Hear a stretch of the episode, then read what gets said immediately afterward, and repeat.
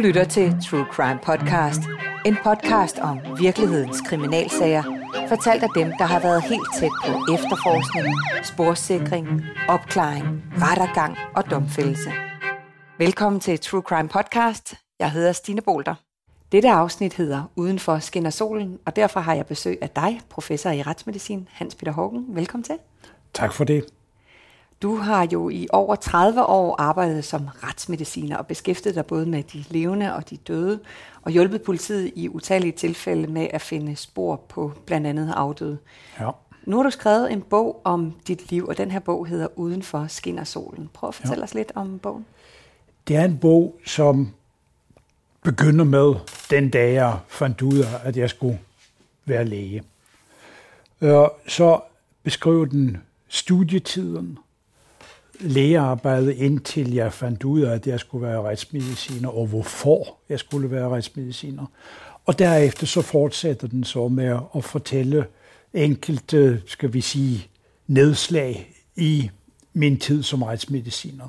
Forskellige oplevelser, jeg har haft undervejs, og også lidt om, hvorfor vejen nu gik, som den gjorde, og hvorfor jeg begyndte at interessere mig for det, jeg har beskæftiget mig meget med inden for retsmedicinen. Ja, og der er også masser af sager med fra, fra dit store arbejde.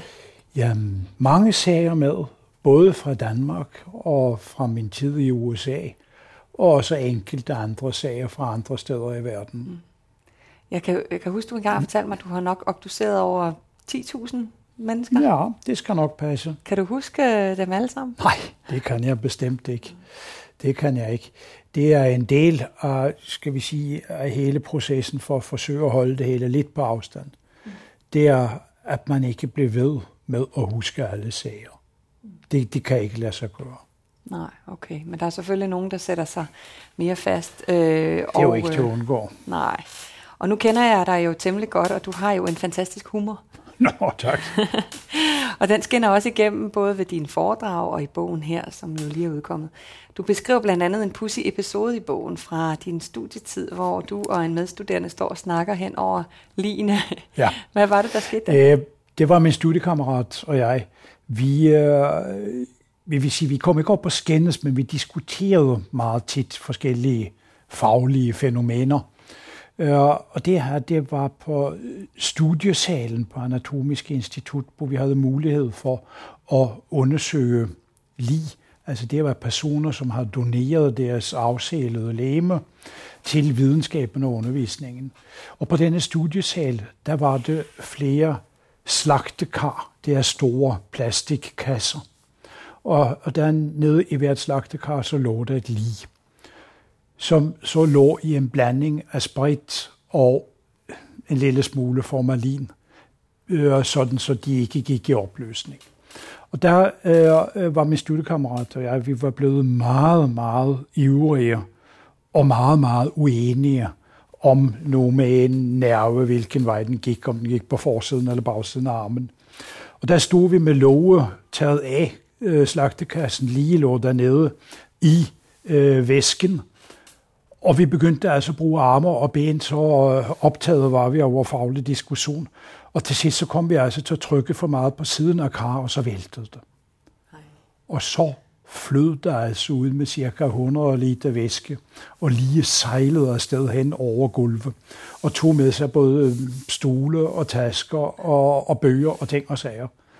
Øh, det var den vist furore hvor vi blev kendt på årgangen på grund af det her. Ja, det kan jeg forestille mig. Er det noget, man kan grine lidt af, når man... Uh... Når man har lidt på afstand, så kan man grine af det, okay. Hvordan fik, fik I fat i det lige der igen? Eller altså lige løb jo ikke vel, men det sejlede jo afsted på gulvet, så det blev fisket op igen, og der blev jo tørret af. Heldigvis var der afløb i gulvet, så det forsvandt jo efterhånden.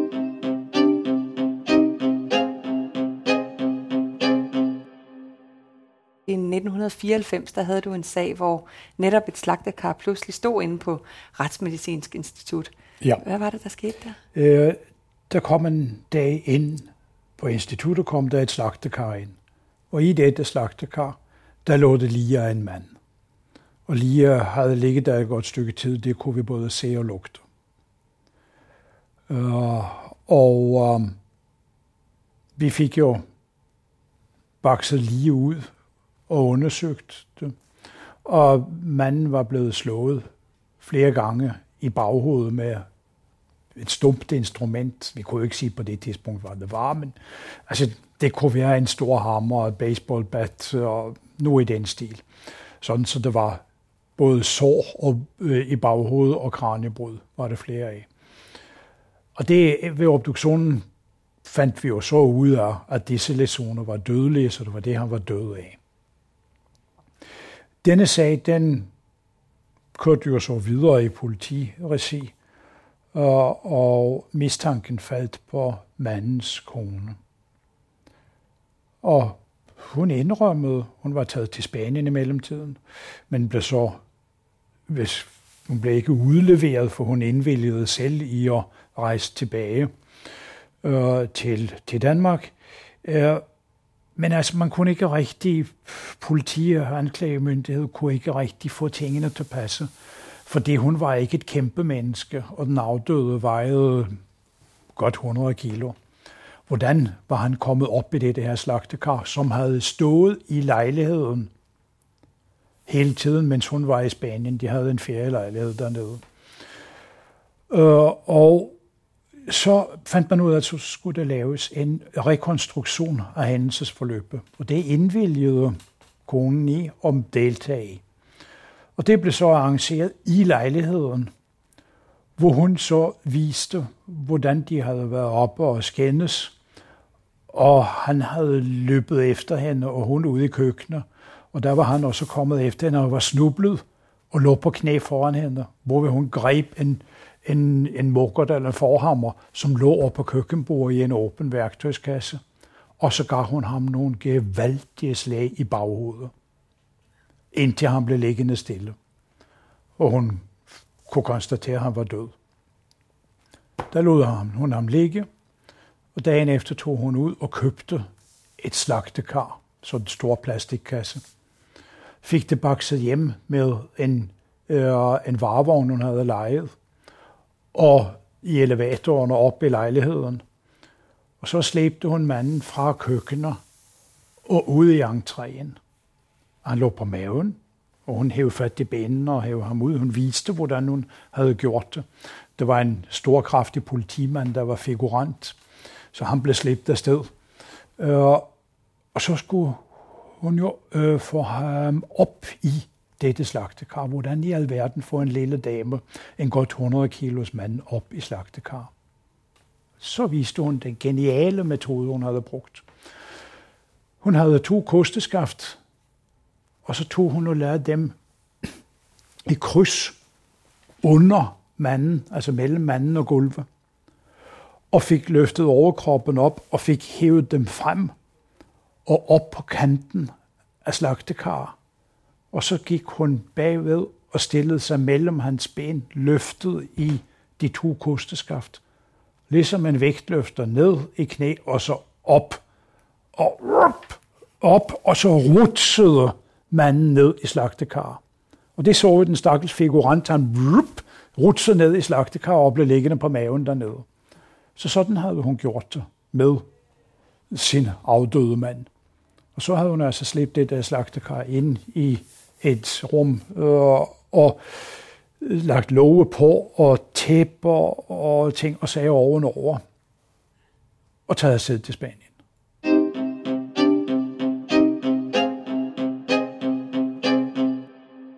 Du har jo også haft mange opgaver i udlandet. Ja. Øhm, flere af dem, dem har du også øh, skrevet om og holdt også foredrag om. Er der nogen, der har gjort sådan særligt indtryk på dig af de her Ja, der er jo nogle af rejserne, som har gjort stort indtryk, som for eksempel arbejde på Balkan i Kosovo tilbage i øh, øh 99 og 2000, eller øh, arbejde i Thailand efter tsunamien i øh, 2005.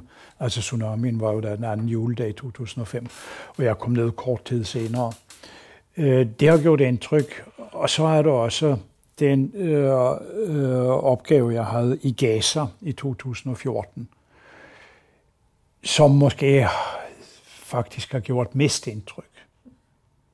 Fordi det var så så forfærdeligt og så trøstesløst, og det var ligesom svært at kunne se noget lyspunkt en eller anden gang ude i fremtiden. Ja, og der, der stod du med en hel masse døde Der mennesker. var det jo altså øh, for det første hundredvis af udbombede huse og ejendomme. Og folk, som ikke havde noget sted at bo. Tusindvis af tilskadekommende, svært tilskadekommende, og talrige døde. Og primært udsat for eksplosioner og følgevirkningen af eksplosioner ved bombardementerne. Mm. Det var en voldsom øh, oplevelse, også fordi det, ligesom, jamen, det var svært at finde nogle lyspunkter i alt det her. Mm. Også hvis man ser fremad.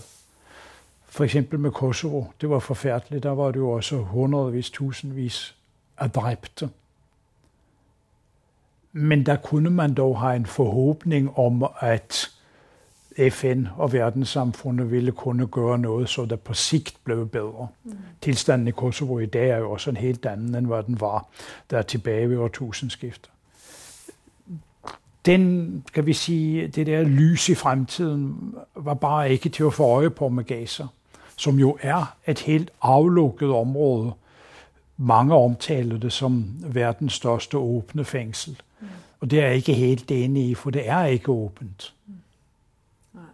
Altså, der er halvanden million mennesker, som er lukket inde på et område land. De kan ikke komme ud. Der er andre, der bestemmer, hvad der må komme ind af fødevarer og byggematerialer, medicinsk udstyr osv., og det alt mangler. Og der beskriver du også, hvordan at du er på vej hjem i, i flyvemaskinen. Der knækkede jeg. Ja. Det var ikke sket før. Jeg har jo oplevet meget i mit liv. Men der sad jeg og græd på vej hjemme i flyveren. Og så var jeg jo godt klar over, at nu var bæret fyldt.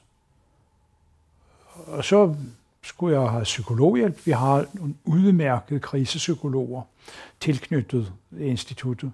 Altså som er ansat på Rigshospitalet, men vi har en aftale med, at vi kan benytte dem. Og det benyttede jeg mig jo så af. Og det hjalp, fordi så efter ikke alt, så lang, alt for lang tid, så var jeg fuldstændig på igen. Men det er noget øvrigt nu, vi er fuldstændig klar over i vores branche, at det kan blive for meget. Ja. Og så, hvis man ikke kan klare det selv, så skal man have professionel hjælp. Ja. Det, sådan er det hos os. Ja, men det er jo klart, der er jo mange af os menige mennesker, der tænker, hvordan kan I stå i alt det der og, og tage Ja, ja, men altså, det kan vi jo også til daglig, men nogle gange, så kan der altså komme en belastning, som er så voldsom, at man reagerer på den. Og det er jo sådan set ganske normalt, altså en normal menneskelig reaktion.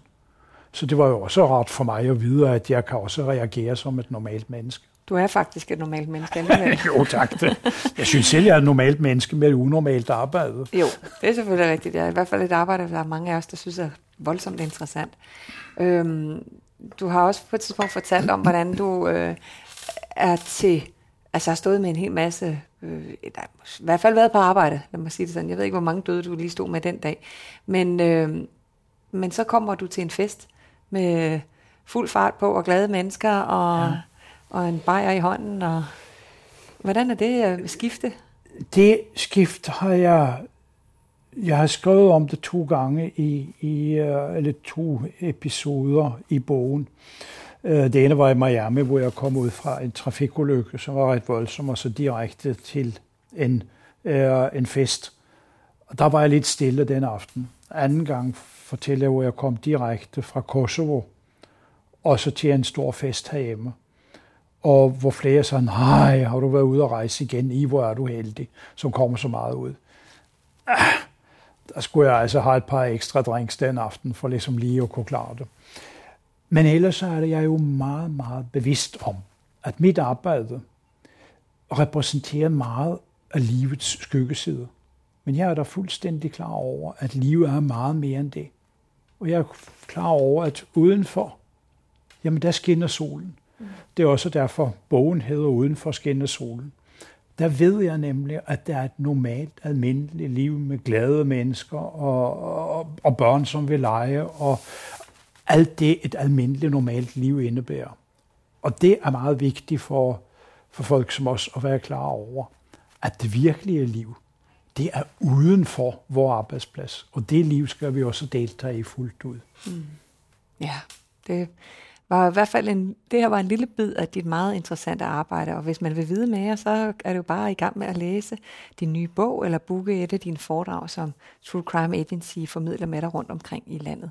Tusind tak, fordi du kom. Selv tak, en fornøjelse. Det var alt her fra denne podcast, Udenfor skinner solen. Du lyttede til True Crime Podcast, præsenteret af True Crime Agency.